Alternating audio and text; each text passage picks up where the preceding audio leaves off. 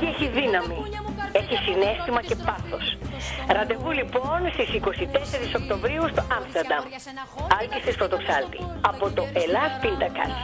Γεια σας, το Αλλάζει ο γύψο, η οροφή και το τακούνια μου καρφί, αλλά χωρίς επιστροφή.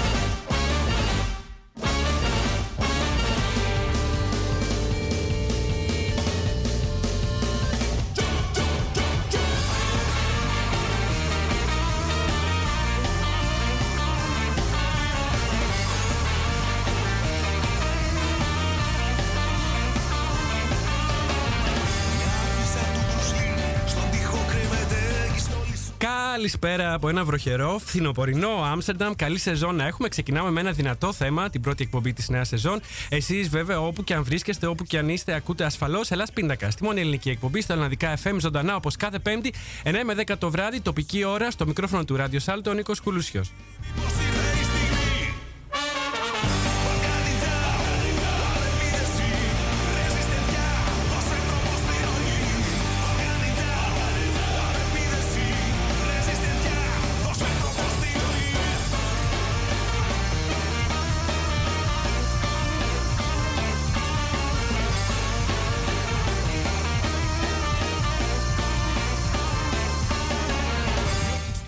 Εκπέμπουμε ζωντανά από το δημοτικό σταθμό του Άμστερνταμ. Υπάρχουν ε, αρκετοί τρόποι για να μας ακούσετε live. Αν αγαπάτε το συμβατικό ραδιόφωνο και βρίσκεστε στην πόλη του Άμστερνταμ, στην περιοχή εδώ γύρω, θα μας βρείτε στο ράδιο Salto στο 106,8 των FM και καλωδιακά στο κανάλι 103,3. Πάλι και μόνο στην περιοχή του Άμστερνταμ αυτά τα δύο, ενώ διαδικτυακά μας ακούτε παντού στον κόσμο από το ελάσπιντακα.com.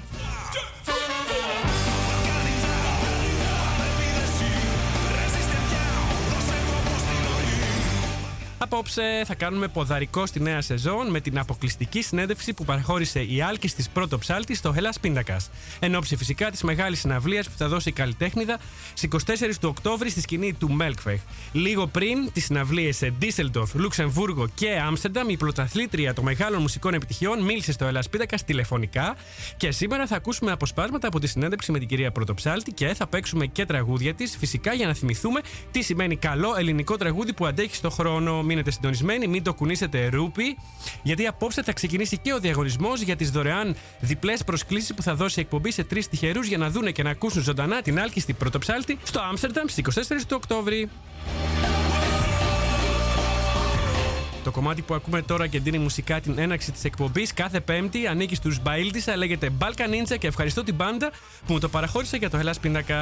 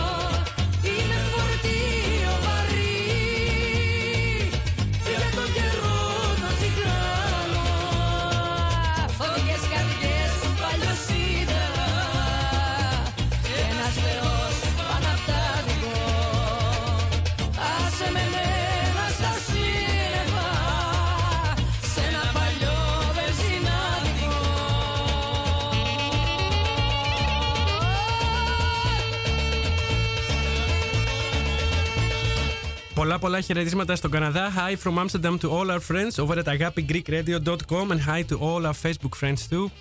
From all over the world, η καλησπέρα μου στο Βασίλη, στην Ευανθία, στον Νίκο Καλογερά, στην Μπέννη, στο Γιάννη Πλειό, στην Εύα, στον Τάκη Λαμπρακάκη, στη Βίβιαν Χιονά, στη Δανάη, στη Λίνεκε, στον Αντώνη και του Super Greek, στην Εμμανουέλα Έφη Σκουλούδη, στη Μαρία Σκουλά, στον Ιωάννη Παπαδόπουλο, στη Λαμπρινή Κιωσέ, στον Παναγιώτη Χριστοφόρου, στον Πασχάλη και στον Νίκο Δούλο, το συνεργάτη μου.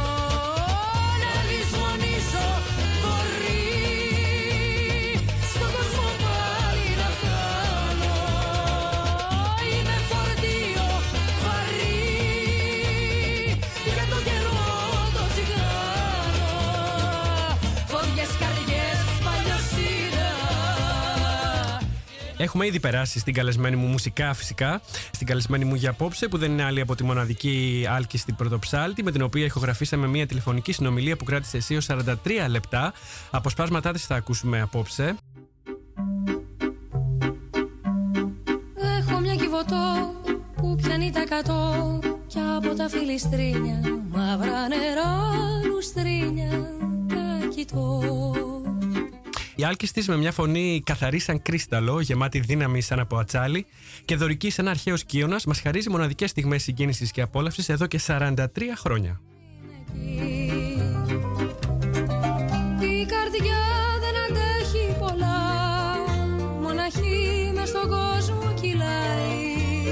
Η φωνή της είναι τόσο δυνατή σε ισχύ, που παρόλο το σθένος και τη δωρικότητά της, μοιάζει να διαπερνά σαν σαΐτα, θα λέγαμε, κάθε είδος μουσικής, είτε αυτό είναι έντεχνο, είτε λαϊκό, παραδοσιακό, σέρβικο, τσιγκάνικο, λάτιν, ρέγγε.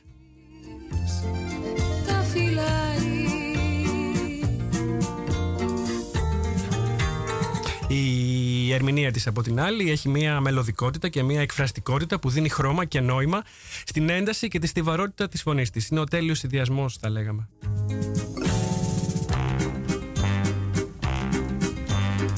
Έχω μια μηχανή δεμένη με σκηνή που δεν μπορεί να φύγει Είσαι πληγή που ανοίγει το πρωί πριν ε, ξεκινήσουμε να σας πω δύο λόγια για τον τρόπο προσέγγισης της συγκεκριμένης συνέντευξης. Ε, δύο λόγια μόνο, σύντομα, να σας βάλω έτσι λίγο στο κλίμα, στη ροή της ε, συνέντευξης, μιας και θα ακούσουμε αποσπάσματα μόνο. Σκέφτηκα λοιπόν να μην εστιάσω πολύ στην καριέρα της ε, κυρίας Πρωτοψάλτη. Είναι πράγματα γνωστά εξάλλου που τα έχουμε ζήσει, τα έχουμε χαρίσει στο έπακρο. Αλλά και για ένα ακόμα λόγο, γιατί νομίζω ότι έχει πολλά ακόμα να δώσει. Ε, είναι πάρα πολύ νέα, οπότε δεν θα ήθελα να γίνει συνέντευξη επαιτειακή. Και έτσι επέλεξα να μείνουμε σε ερωτήσεις που έχουν να κάνουν με την μουσική, με την τέχνη της δηλαδή, αλλά και να κάνουμε μια κουβέντα για να πλησιάσουμε λιγάκι πιο κοντά στον άνθρωπο που κρύβεται πίσω από την περσόνα του καλλιτέχνη. Να τη ρωτήσω επίσης, σκέφτηκα και για πράγματα απλά, καθημερινά, που κάνουμε όλοι, λίγο ως πολύ, και για πράγματα που συζητάμε όλοι, λίγο ως πολύ, ή θα έπρεπε να συζητάμε περισσότερο. Σε μια πόρτα κλειστή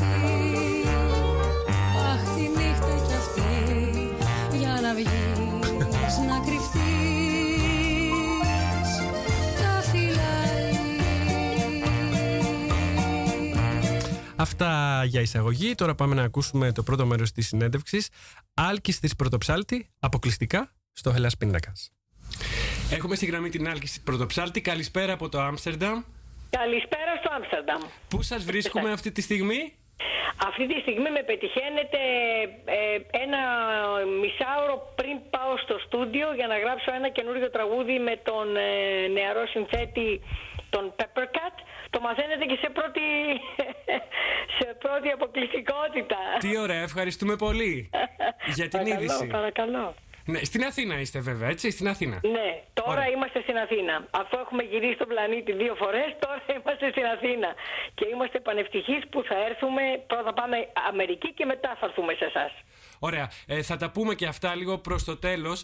Ξεκινώντας να σας πω ότι σκέφτομαι να μην εστιάσω πολύ στην καριέρα, στο κομμάτι της καριέρας σας. Είναι πράγματα γνωστά που τα έχουμε ζήσει, τα έχουμε αγαπήσει, τα έχουμε χαρεί απείρως. Ε, αλλά και γιατί έχετε πολλά ακόμα χρόνια μπροστά σας, νομίζω, να μας χαρίσετε μοναδικές μουσικές στιγμές. Οπότε δεν θα ήθελα να γίνει μια ανασκόπηση ή κάτι το επαιτειακό. Ε, ό,τι θέλετε, δεν έχω θα πρόβλημα. Θα προτιμούσα, ναι, να μείνουμε σε ερωτήσεις που έχουν να κάνουν με τη μουσική, με την ναι, ναι, τέχνη. Ναι, με την κανένα τέχνη πρόβλημα. Κανένα πρόβλημα. Ε, πάμε να παίξουμε όπως θέλετε. Δεν Ωραία. υπάρχει θέμα κανένα. Να το πιάσουμε λίγο από την αρχή. Γεννηθήκατε στην Αλεξάνδρεια.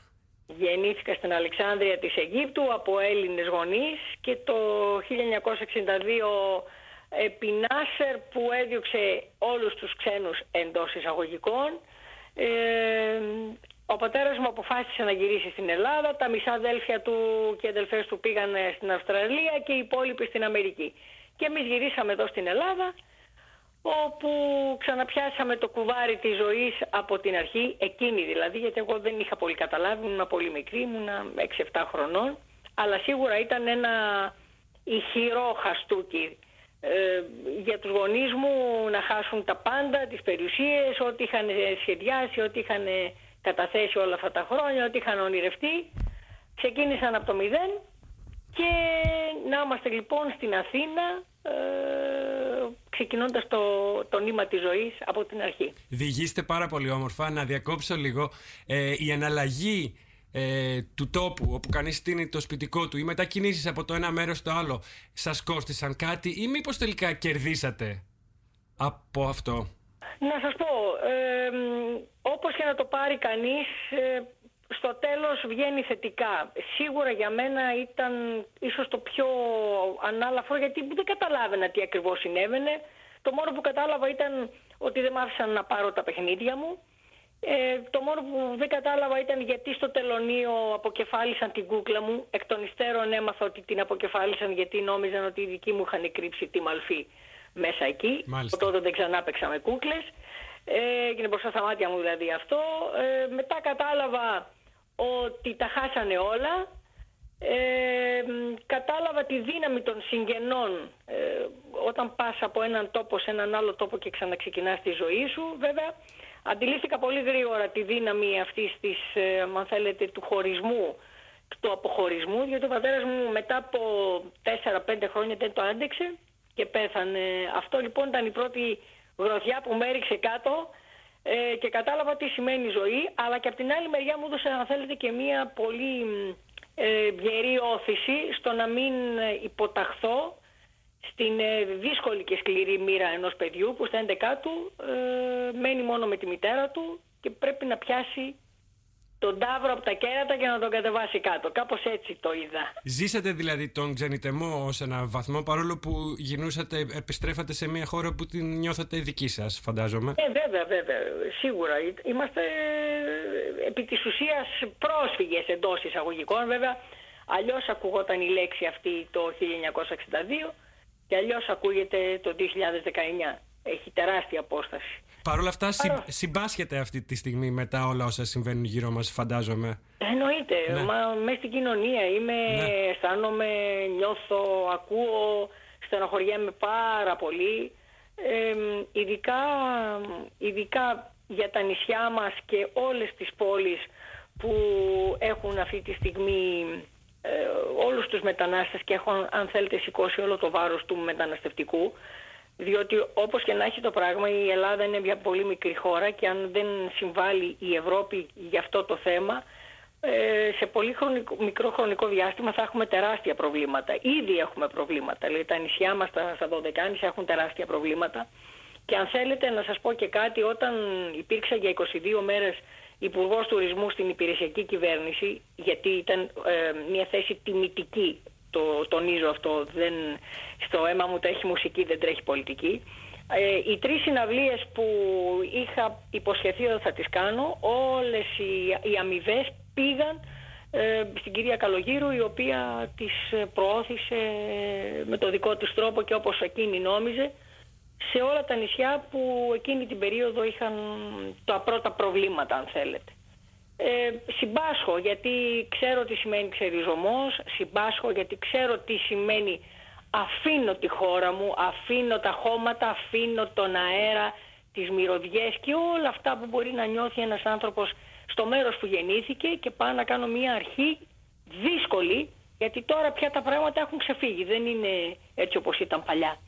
Αλλά μην ξεχνάμε ότι εκτός από τους, ε, από τους ανθρώπους που αναγκάζονται και αφήνουν τη χώρα τους υπάρχουν και οι οικονομικοί μετανάστες και σίγουρα η Ελλάδα το ζει όταν ξέρουμε ότι πάνω από μισό εκατομμύριο ε, Έλληνες, ε, νέα, οι νέοι άνθρωποι, η νέα γενιά, νέα μυαλά, σπουδαγμένα και πρωτοπόρα αναγκάζονται να, αφήνουν, να αφήσουν τη χώρα και να μεταναστεύσουν σε άλλες χώρες που τους δίνονται μεγαλύτερες ευκαιρίες και μια οικονομική σταθερότητα.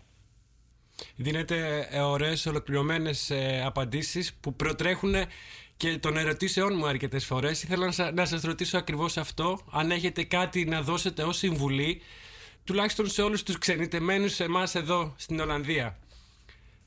Να σας πω, αυτό που πιστεύω είναι ότι σίγουρα ο κάθε άνθρωπος πρέπει να πιάσει τη ζωή του από, από την αρχή.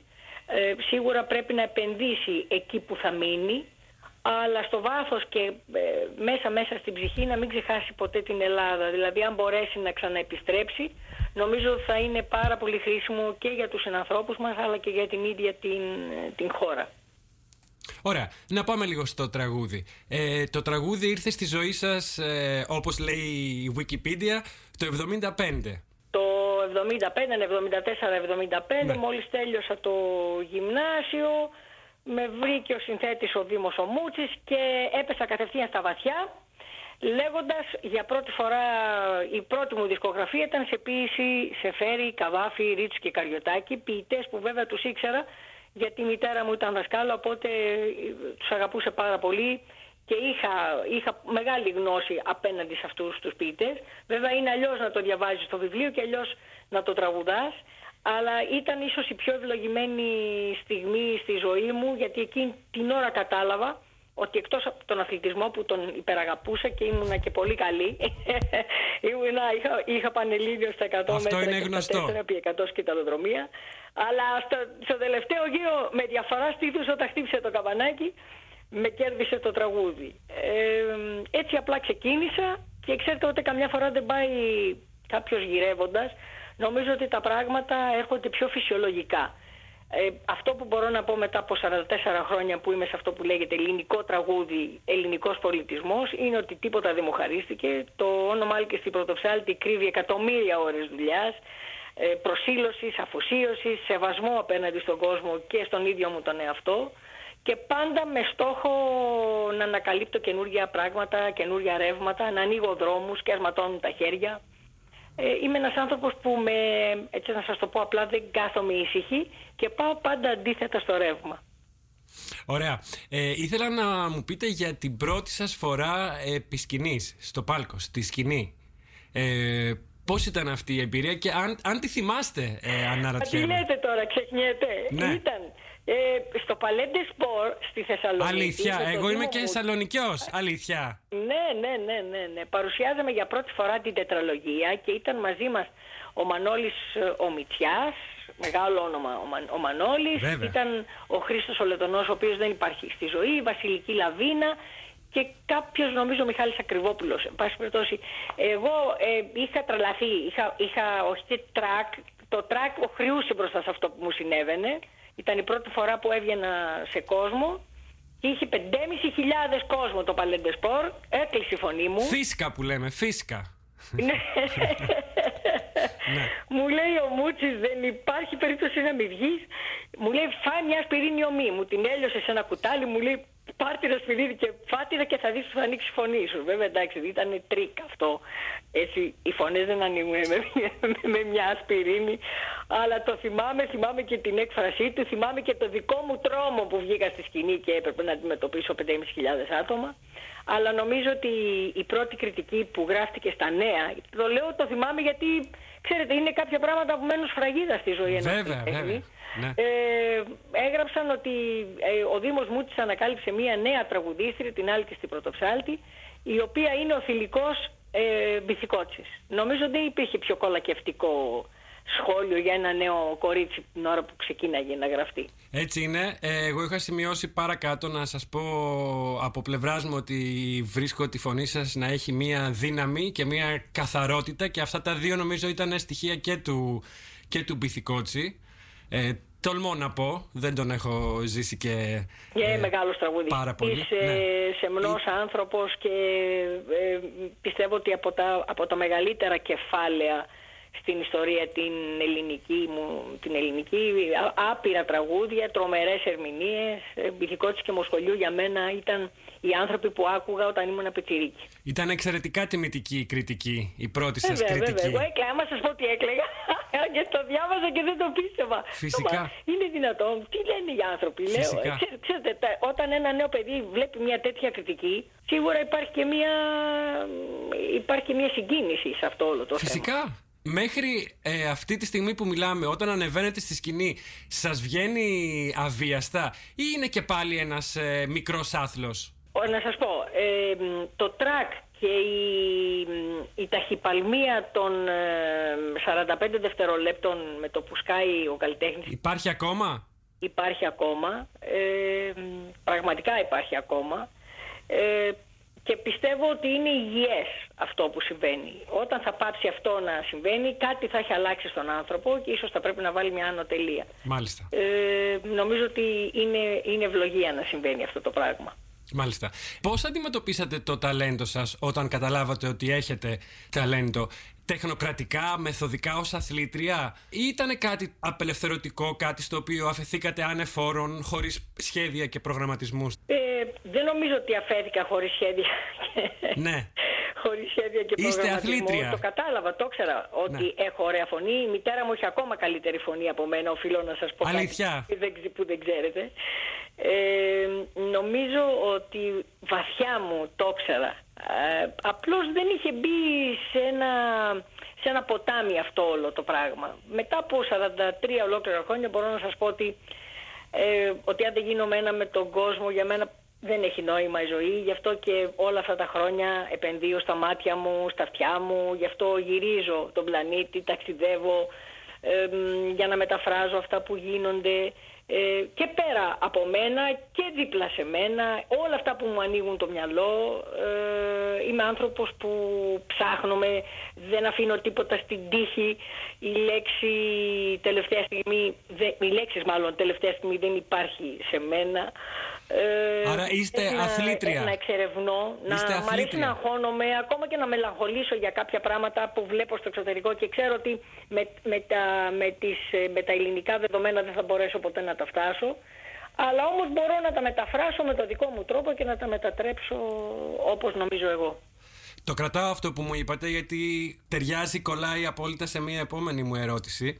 Τις αντικσότητες της ζωής τώρα, πώς τις αντιμετωπίζετε, Λειτουργείτε συνήθως με το μυαλό και αντιδράτε με το μυαλό ή με την καρδιά; Οι αντικσότητες πάντα θα υπάρχουν, αλλά πιστεύω ότι ο κάθε άνθρωπος τις αντιμετωπίζει ανάλογα με την ηλικία του. Παλιά ήμουνα πιο.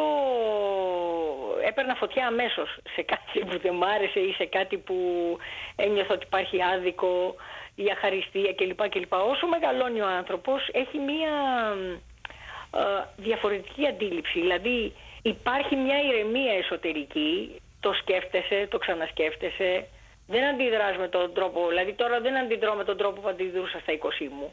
Ε, αντιδρώ με ένα, αν θέλετε, πιο, ας μου επιτραπεί η λέξη, πιο σοφό τρόπο εντός εισαγωγικών. Δεν θα μιλήσω, δεν θα πω σκληρές κουβέντες, γιατί ξέρετε, άπαξ και βγει μια λέξη από το στόμα αυτή, δεν μπορείς να την πάρεις πίσω. Πιο ισορροπημένα. Ναι, ε, νομίζω ότι αφήνω λίγο το χρόνο να κυλήσει και μετά ε, προσπαθώ να, να βρω μία λύση στο πρόβλημα. Δεν είμαι των άκρων. Ίσως των άκρων θα ήμουν σε ελάχιστες περιπτώσεις στη ζωή μου, ε, μετρημένες ε, στα δάχτυλα. Αλλά είμαι άνθρωπος γενικά που μου αρέσει να βρίσκω λύσεις, μου αρέσει, μ αρέσει η παρέα, μου αρέσει η συντροφικότητα. Μ' αρέσει το καλλιτεχνηλίκι εντός εισαγωγικών. Ξέρετε, με όλους τους ανθρώπους που έχω συνεργαστεί, δεν σημαίνει ότι ε, ταιριάζαμε και σαν άνθρωποι, αλλά εγώ ήθελα από αυτούς να τους βγάλω την ψύχα τους, το καλύτερό τους, το καλύτερο εαυτό, όπως έβγαζα και εγώ τον δικό μου. Και μπορεί να μην ταιριάζαμε σε τίποτα άλλο. Έτσι είναι ο καλλιτέχνης. Δεν σημαίνει ότι με όποιον συνεργάζεσαι γίνεσαι και κολλητός. Υπάρχει μια βέβαια αμοιβαία εμπιστοσύνη, υπάρχει, υπάρχει μια χαρά, υπάρχει μια δημιουργία, υπάρχει το κοινό όνειρο αλλά δεν τέριαζα και με όλους τους ανθρώπους που έχω συνεργαστεί. Ε, τα πράγματα είναι πολύ πιο απλά. Ναι, φίλους, φίλους κολλητούς έχετε, επιστήθιους που λέμε; Ε, ε, φυσικά. Παιδικούς φίλους από τα παλιά έχετε κρατήσει, ήταν ε, δυνατό; Να σας πω όχι, δεν έχω κρατήσει ναι. γιατί ούτως ή άλλως τα μονοπάτια της ζωής μας έχουν στείλει σε διαφορετικά ε, σε διαφορετικούς δρόμους. Αλλά σίγουρα χαίρομαι πάρα πολύ όταν συναντώ ας πούμε, μιας μαθήτριά μου ή συναντώ μια φίλη μου από πολύ παλιά Είμαι άνθρωπος που δεν ξεχνώ, είμαι άνθρωπος που μου αρέσει να κρατώ τις επαφές, αλλά ξέρετε λόγω της δουλειάς, ναι, ναι, ναι. Ηχώς, ε, δεν μπορείς να είσαι κοντά ε, σε πάρα πολλούς ανθρώπους, οπότε ε, Λένε... ό,τι προλαβαίνω. Ναι, ναι. Λένε για τους φίλους ότι είναι η οικογένεια που διαλέγουμε, που διαλέξαμε, έτσι το νιώθετε κι εσείς; Ε, όχι ακριβώς. όχι. Ε, δεν ξέρω ποιος το έχει πει αυτό, αλλά για μένα η οικογένεια είναι ιερή, οι συγγενείς μου είναι, είναι πολύ κοντά μου, όπως και οι φίλοι μου είναι πολύ κοντά. Σίγουρα υπάρχουν και οι εξαιρέσεις, δηλαδή με κάποιους ανθρώπους συνήθως συγγενείς δεν τα πας καλά. Ας μην τα ανοίξουμε αυτό. είναι μέσα από το, από το αίμα της οικογένειας, οπότε στα δύσκολα τα ξεχνάς όλα και είσαι πάντα κοντά και δίνεις πάντα πάντα το παρόν. Ωραία, να ρωτήσω και κάτι άλλο, μιας και μιλήσαμε για την επαφή που κρατάτε με παλιούς φίλους. Πόσο millennial είστε, για παράδειγμα, είστε κολλημένοι στο κινητό σας, παθιάζεστε με τα social media; Είμαι. Ε, μάλλον η, αντιμετώπιση που έχω στα, στα media είναι υγιής. Όταν ε, υπάρχει λόγος ε, θα είμαι κολλημένη, όταν δεν θα υπάρχει λόγος δεν ανοίγω το κινητό. Μάλιστα, μάλιστα. δεν μπαίνω καν στα mail μου. Νομίζω ότι έχω βρει μια πολύ όμορφη ισορροπία. Είμαι λάτρης του Instagram. Αυτό οφείλω να σας το ομολογήσω. Δηλαδή από όλα αυτά Ωραία. λατρεύω το Instagram. Ωραία. Ε, αλλά δεν είμαι άνθρωπος που κάθε μέρα θα βάλω και μια φωτογραφία. Δηλαδή μπορεί να περάσει και μια εβδομάδα. Ανάλογα, ανάλογα ξέρετε, με τη, με τη ζωή και την κατάσταση. Δεν, αυτό δεν μπορείς να το πεις. Αλλά σίγουρα υπάρχει μια υγιή σχέση. Αυτό σας το λέω παίρνοντας σαν παράδειγμα γιατί μου έκανε πολύ μεγάλη εντύπωση η δήλωση του, του Τσιτσιπά ότι αποφάσισε να τα κλείσει όλα και μόνο η εταιρεία του να ασχοληθεί. Προφανώς μάλλον πρέπει να, να ήταν πάρα πολλές ώρες πάνω σε αυτά και να είχαν από την προπόνησή του. Ε, συμφωνώ ίσως με αυτό που έκανε και μπράβο του. Ε, πιστεύω ότι και τα νέα παιδιά πρέπει να, να λίγο να απεγκλωβιστούν από όλη αυτή την κατάσταση γιατί ξέρετε είναι οδυνηρό να μην μπορείς να βγεις έξω και να μιλήσεις, να ανταλλάξεις σκέψεις, όνειρα, ωραίες ιδέες και όλοι να είναι πάνω σε ένα κινητό, ακόμα και δίπλα-δίπλα και να ανταλλάσσουν μηνύματα. Αυτό δηλαδή εμένα με τρελαίνει. Άρα να ρωτήσω εδώ, κολλάει, ε, πιστεύουμε στη νέα γενιά, πιστεύουμε ότι μπορεί να φανεί αντάξια των καιρών και των προκλήσεων; Που ζει και που ζούμε. Ε, ούτως ή άλλως η νέα γενιά είναι το μέλλον. Η νέα γενιά... Θα τα καταφέρει; Πιστεύω θα τα καταφέρει, ναι. Όλα αυτά ίσως είναι και μία, είναι μία μόδα, αλλά είναι και μία ανάγκη. Ε, σκεφτείτε πριν από 40-50 χρόνια όταν θα θέλαμε ας πούμε, μία πληροφορία. Για επικοινωνία; Για να την πάρουμε αυτή την πληροφορία και τώρα με ένα κλικ. Μας έρχονται 18 πληροφορίες για μία ερώτηση που θέλουμε να κάνουμε. Το παρακάναμε και λίγο. Ε, το έχουμε παρακάνει, αλλά πάντα, πάντα υπάρχει ένα το παρακάναμε και μετά επανερχόμαστε σε μια ισορροπία. Έτσι είναι, έτσι είναι. Ε, υπάρχει κάτι που σας τρομάζει, για να το κλείσουμε έτσι αυτό το κομμάτι, υπάρχει κάτι που σας τρομάζει αυτή τη στιγμή; Στον κόσμο. Με, αν με τρομάζει εννοείται σε, σε προσωπικό επίπεδο ή σε... Επειδή μιλάμε για την νέα γενιά, για το αν θα φανεί αντάξια των καιρών και των προκλήσεων που ζούμε, αν υπάρχει κάτι γύρω μας, γύρω, γύρω σας να σας πω κάτι. Πιστεύω ότι η νέα γενιά είναι, είναι, είναι το μέλλον. Πιστεύω στη νέα γενιά, πιστεύω ότι θα τα καταφέρει. Ε, πιστεύω ότι εμείς, η, η δική μου γενιά έχει κάνει πάρα πολλά λάθη και σε σχέση με το περιβάλλον. Βλέπω όμως τώρα ότι υπάρχει μια μεγάλη αναταραχή σε σχέση με όλο αυτό που συμβαίνει στη γη. Ε, νομίζω ότι θα τα καταφέρει γιατί υπάρχει μεγαλύτερη ευκολία στο να δημιουργούνται κινήματα εντός εισαγωγικών, υγιή κινήματα, καταλαβαίνετε τι εννοώ. Ε, φωνές όμορφες που επί της ουσίας θέλουν το καλό όχι μόνο το δικό μας αλλά και όλου του πλανήτη και εν πάση περιπτώσει εάν δεν φωνάξουν τα νέα παιδιά που τώρα πατάνε τη ζωή και είναι ξέρω εγώ 15, 18, 20 χρονών ποιος θα πατήσει; Αυτά πρέπει να αναλάβουν, να πάρουν τα ενία της κατάστασης και εμείς μέσα από την εμπειρία μας να βοηθήσουμε. Και εδώ ίσως μπορούν να βοηθήσουν και λίγο και τα social media προς ένα πιο ευγενή σκοπό. Από ναι, το... συμφωνώ, συμφωνώ, συμφωνώ ναι. απόλυτα σε αυτό που Ωραία. λέτε.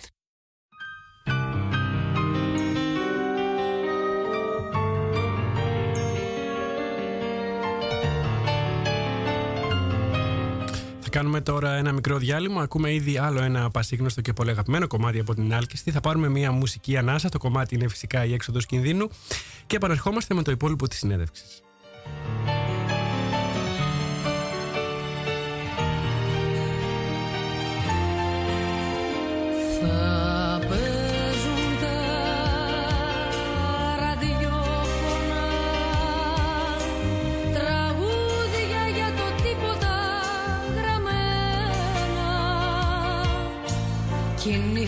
Ήταν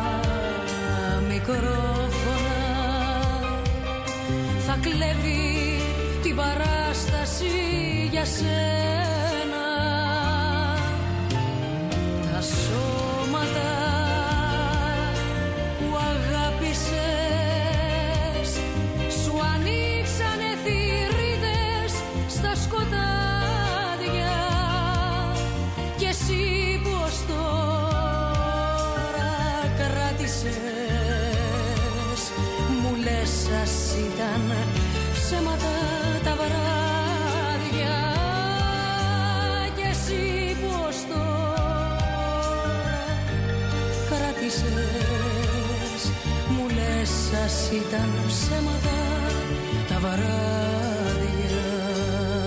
Χαιρετίσματα και στη Ρούλα Οζούνη που μας ακούει από τη Θεσσαλονίκη, την περιοχή της Θεσσαλονίκης νομίζω, από Ελλάδα.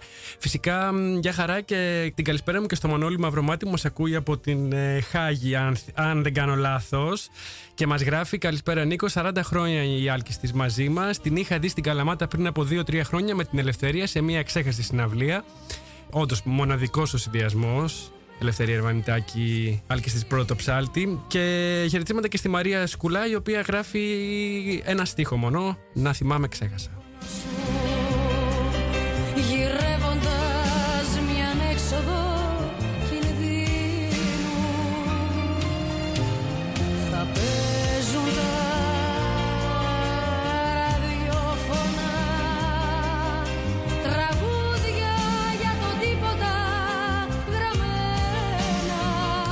Τώρα, όποιος ενδιαφέρεται για μια διπλή πρόσκληση για τη μεγάλη συναυλία που θα δώσει η Άλκη τη Πρωτοψάλτη στις 24 του Οκτώβρη στη σκηνή του Μέλκφεχ εδώ στο Άμστερνταμ, μπορεί να στείλει ένα email στο hellas.gmail.com με το όνομα, το επίθετο και το τηλέφωνο του. Όλα τα ονόματα θα μπουν σε κληρωτίδα και θα κληρώσουμε μια εβδομάδα πριν από τις 24 του Οκτώβρη τους τρεις τυχερούς που θα πάρουν τις διπλές προσκλήσεις. Την παράσταση για σένα.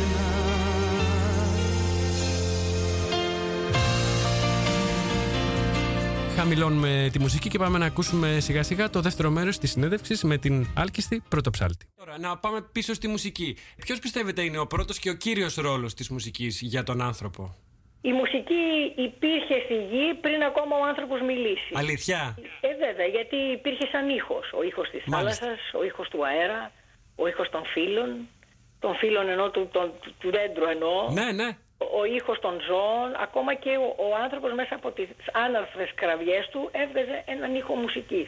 Για μένα αν η γη δεν είχε μουσική θα ήταν πάρα πολύ μονότονη και αδιάφορη. Πιστεύω ότι η μουσική είναι ε, συγκλονιστικό. Είναι ένας ένας συγκλονιστικός ήχος. Είναι ένα, ένα μαγνητικό πεδίο και ένα ηλεκτρικό φορτίο μεγατόνων που ο καθένας το εισπράττει ανάλογα με τις κεραίες που έχει. Και τι άλλο να σας πω, για μένα η μουσική είναι ανάγκη, είναι ανάγκη. Είναι ανάγκη να ψάχνεις, να, να πιείς από την καθαρή πηγή της. Είναι, σε, σε κάνει να έχεις διάθεση για να ανοίξεις δρόμους, σε κάνει να έχεις διάθεση να, να κονίσεις τη φαντασία σου. Ε, για μένα ε, η μουσική έχει, μπορεί να κερδίσει, να, να, να πραγματοποιήσει νίκες που δεν μπορούν να πραγματοποιήσουν οι πολιτικοί. Ε, η μουσική σε κάνει να... Να βάλουμε μια ανατελεία εδώ. Ναι, ε, ναι, ναι. Σε, σε, κάνει να έχεις πόθο για περιπέτεια.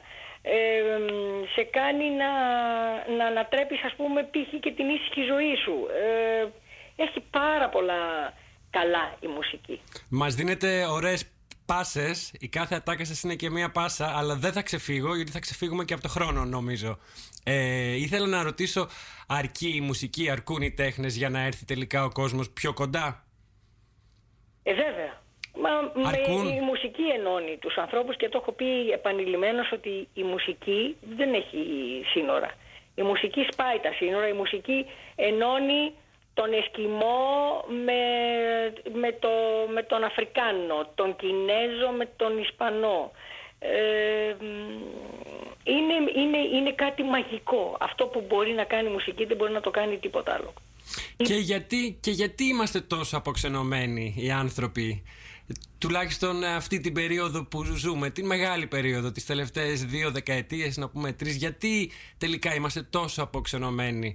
Και ενώ μοιάζει να πλησιάζουμε, τουλάχιστον μέσα από τον πολιτισμό, ε, μέσα από τις τέχνες, ε, βλέπει κανείς τι γίνεται στην Ευρώπη για παράδειγμα που πέρασε μια μεγάλη κρίση, με το ρατσισμό που κάνει δυναμικό comeback. Πώς τοποθετήστε ως καλλιτέχνης μπροστά σε όλα αυτά; Να σας πω, ένα-ένα να τα πιάσουμε. Συγγνώμη, ναι. Οι γενικές γραμμές δεν γίνεται.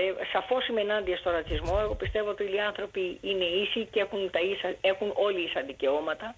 Ε, και έχω ενώσει τη φωνή μου πάρα πολλές φορές και πριν από μερικά χρόνια είχα τραγουδήσει στο Velodrome στη Γερμανία για τα δικαιώματα των γυναικών του Ιράν Έχω, τώρα μην πιάσουμε να σας πω τι έχω κάνει γιατί... Όχι, μα τα ξέρει ο κόσμος, τα γνωρίζει αυτά. Τα παρακολουθεί ο ε, κόσμος. Είμαι, είμαι, είμαι ένας άνθρωπος που μου αρέσει η ζωή και θέλω να την απολαμβάνουν όλοι οι άνθρωποι το ίδιο. Ε, όπου μπορώ βοηθάω και μέσα από τη μουσική μου πραγματικά ξέρω ότι έχω βοηθήσει πάρα πολύ κόσμο. Όχι με, εννοώ με τα δικά μου τραγούδια, μέσα από τον τρόπο αν θέλετε που τραγουδώ και που κάνουμε τις συναυλίες. Ε, ε, πραγματικά όλα αυτά τα χρόνια ε, όσα είδα, όσα ένιωσα, όσα άγγιξα και επικοινώνησα ε, πιστεύω ότι άξιζαν όποια ταλαιπωρία και αν είχα στη ζωή μου μέσα στα 43 αυτά χρόνια.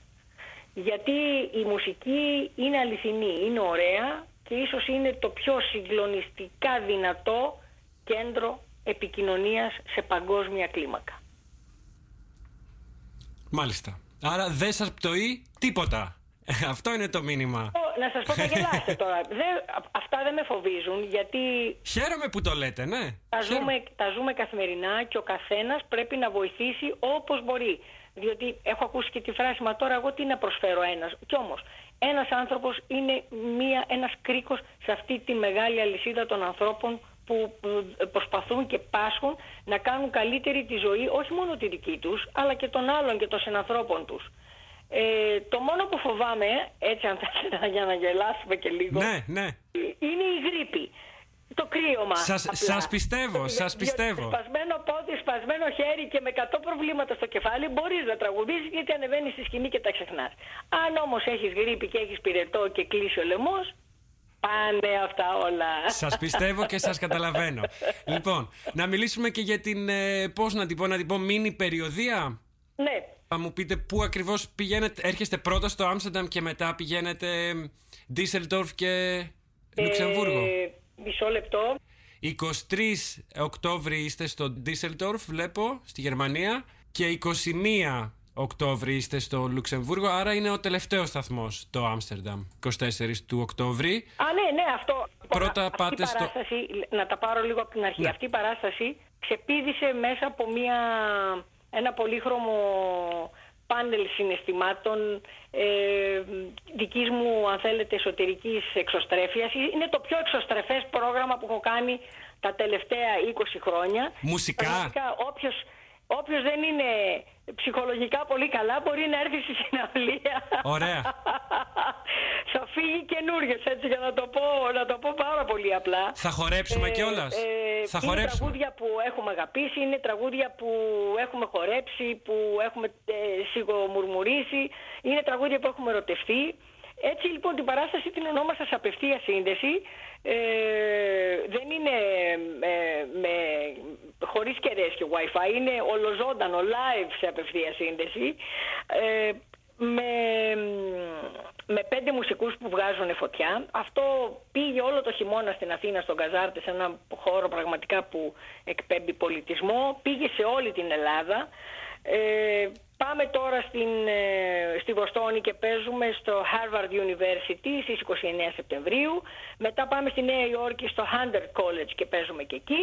Και μετά 21 Οκτωβρίου στο Λουξεμβούργο, 23 Οκτωβρίου στο Ντίσελντορφ και 24 Οκτωβρίου στο Άμστερνταμ και κλείνει η περιοδία αυτή με πολύ χαρά, με πολύ αγάπη, με, με πολλές χαρές και ξαφνικές λύπες, με πολλά πρωτόγνωρα συναισθήματα. Ήταν ένα θυελώδες ε, καλοκαίρι και εξαιρετικά συναισθηματικό.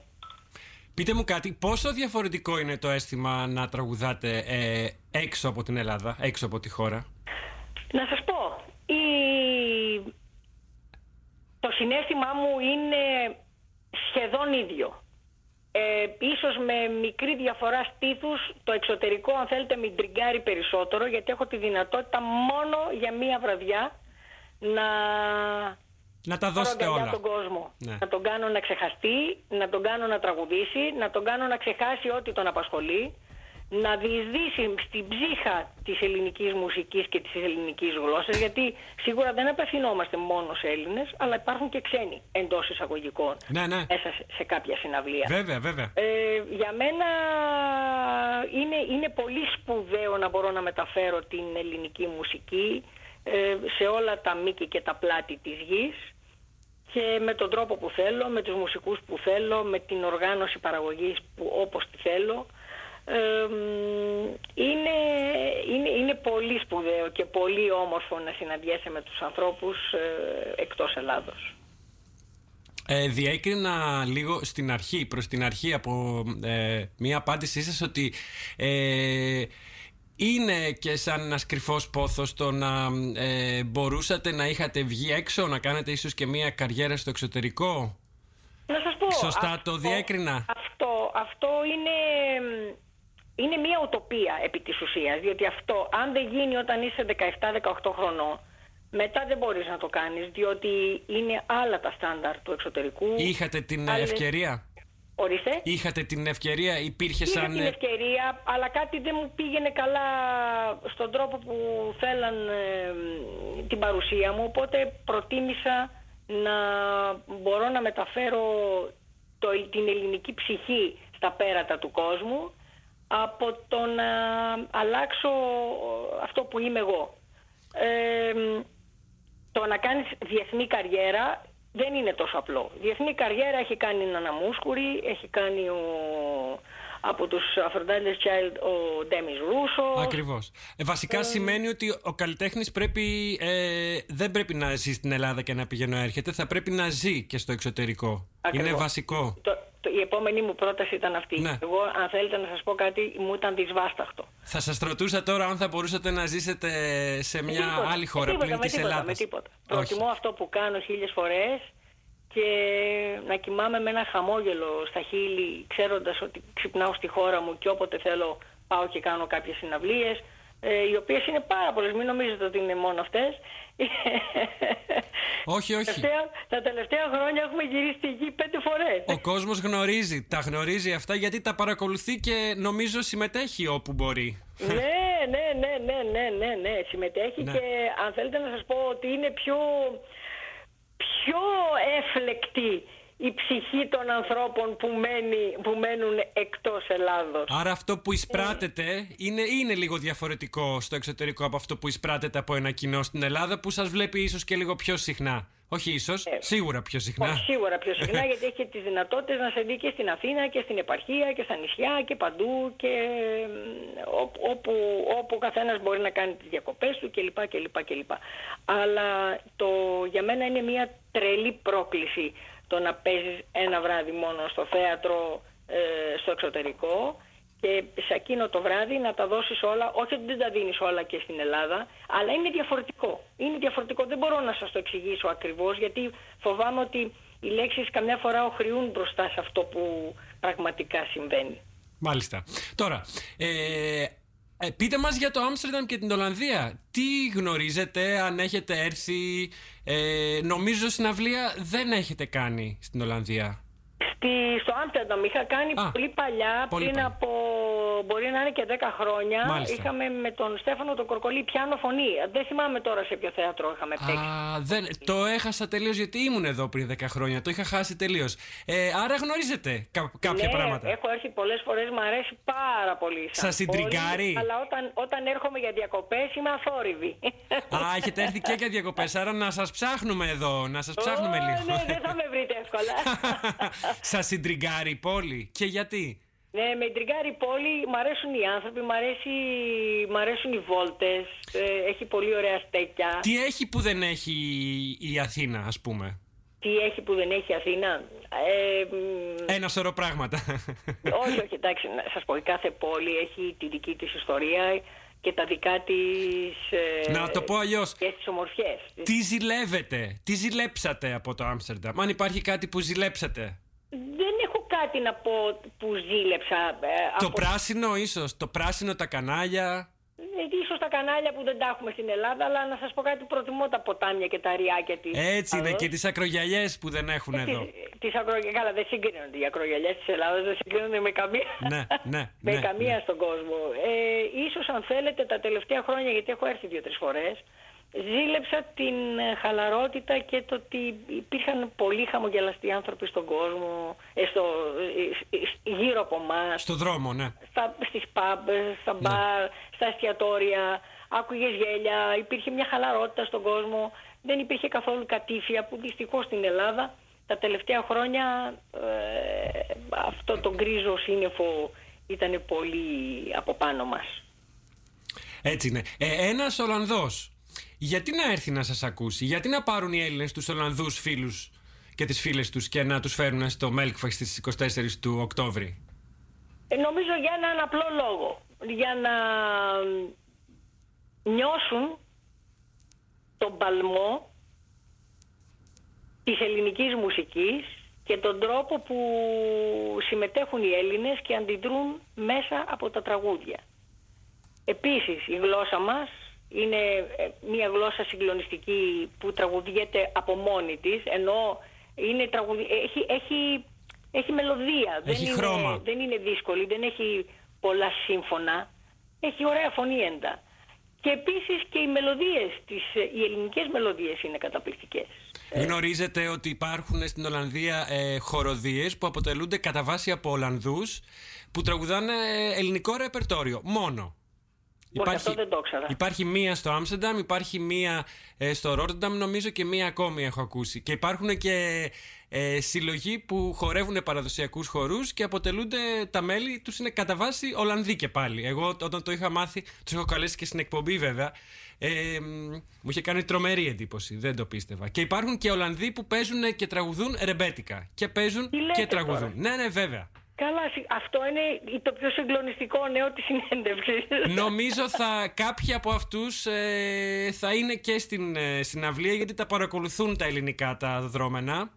Πιθανόν, να δουν και έναν άλλο τρόπο, και έναν άλλο τρόπο έκφρασης της ελληνικής μουσικής. Ε, που, γιατί τώρα τι να σας πω τώρα για ποιο λόγο. Εντάξει και εγώ αν με ρωτήσετε για ποιο λόγο θέλω να πάω στην Κούβα ξέρω να σας πω για ποιο λόγο γιατί μου αρέσει η μουσική τη, έτσι πως παίζουν οι Κουβανοί.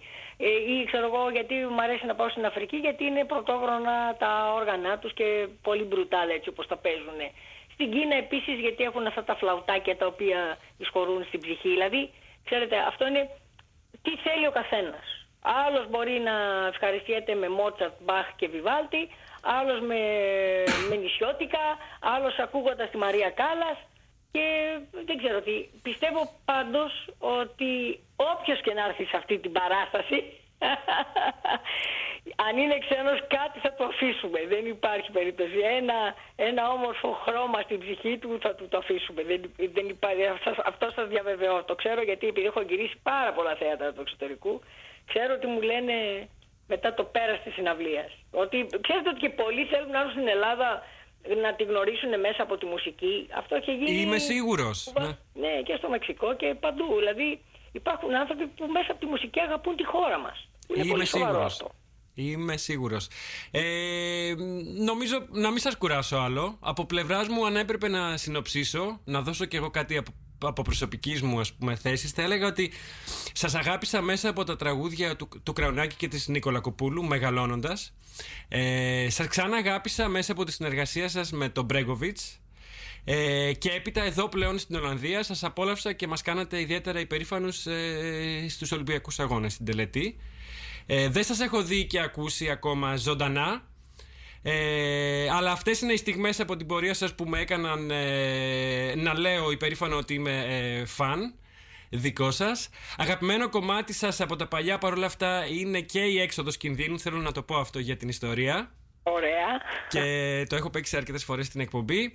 Ε, Όπως έχω παίξει και τη διασκευή που κάνατε τη Ρέγγε. Αχ, ποιο είναι το κομμάτι; Η Το ξε- Χαβάη. Τη Χαβάη. Το έχω παίξει, το έχω λιώσει το κομμάτι αυτό. Ε, καλά, αυτό το, αυτό το έχουμε μέσα στο πρόγραμμα και πάντα παντού όπου και να το παίξουμε σε, όλο το, σε, όλη, σε όλη τη γη έχουμε τις ίδιες αντιδράσεις. Ε, εντάξει, η Ρέγγε είναι ένα, ένα ποτάμι που ούτως ή άλλως έχει διεισδύσει για πολύ, πολύ βαθιά στις ψυχές των ανθρώπων. Ναι. Δηλαδή ούτως ή Και- άλλως είναι κάτι που σε ξεσηκώνει. Και ενώνει, ενώνει όπως ενώνει και το ρεμπέτικο σε μια άλλη κλίμακα, θα λέγαμε. Ενώνει κόσμο διαφορετικό από τα πέρατα της γης σε μια κουλτούρα που δεν την έχουν ζήσει πολύ από κοντά. Πάντως τους ενώνει όπως και το ρεμπέτικο.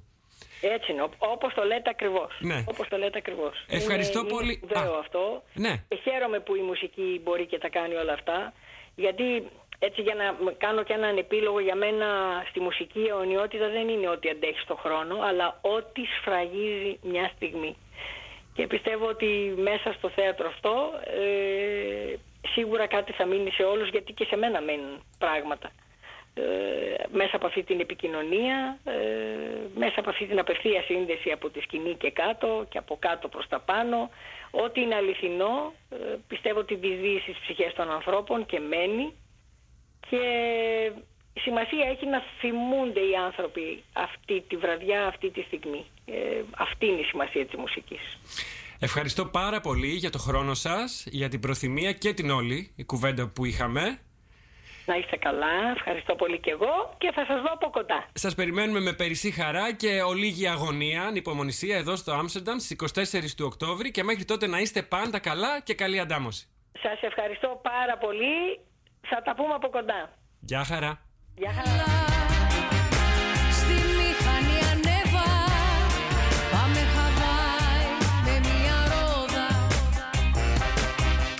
Φτάσαμε στο τέλος. Ευχαριστώ ιδιαίτερα την Άλκη στην Πρωτοψάλτη. Ευχαριστώ και την Τόνια Δραγούνη, Δραγουνή για την προετοιμασία της συνέντευξης και φυσικά τον Δημήτρη Κρανιώτη, τον καλό συνεργάτη από την Arc for Art, χωρίς τη συμβολή τη συμβολή του οποίου η συνέντευξη αυτή αλλά και η συναυλία της Άλκης της δεν θα γινόταν πραγματικότητα. Τους, τους περιμένουμε όλους εδώ, σας περιμένουμε όλους εδώ στο Άμστερνταμ στις 24 του Οκτωβρίου για τη συναυλία της Άλκης της στο Melkweg. Μέχρι τότε να είστε όλοι καλά. Ακολουθεί η εκπομπή Finger Popping Soul εδώ στο Radio Salto. Μέχρι την επόμενη Πέμπτη να είστε καλά και να περνάτε ακόμα καλύτερα. Καλό Παρασκευό Σαββατοκύριακο σε όλους. Το Forhand Care. Ντουντουι. Και πάντα εκεί το κινητό χτυπά Να μαγειρεύσεις το πρωί Να πλώσεις ό,τι έχει κληθεί Να σιδερώσεις, να μαζέψεις, να σκουπίσεις Πριν αρθεί μετά να πάμε στη λαϊκή. Και πίτα ούτε νερό δεή για να πληρώσω. Give me a break Αν είσαι σπίτι Τότε ετοιμάσου για Χαβάη. Πάμε κάπου που δεν έχουμε πάει Μόνο μη κάτσουμε άλλο σπίτι. Αν είσαι σπίτι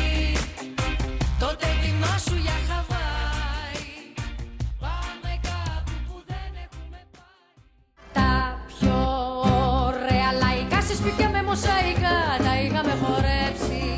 Η ελληνική μουσική έχει δύναμη. Έχει συνέστημα και πάθος. Ραντεβού λοιπόν στις 24 Οκτωβρίου στο Άμστερνταμ. Άλκη στη Πρωτοξάλτη. Από το Ελλάς Πίντακας. Γεια σας. Γαλάζιο γύψο η οροφή και τα τακούνια μου καρφί αλλά χωρίς επιστροφή.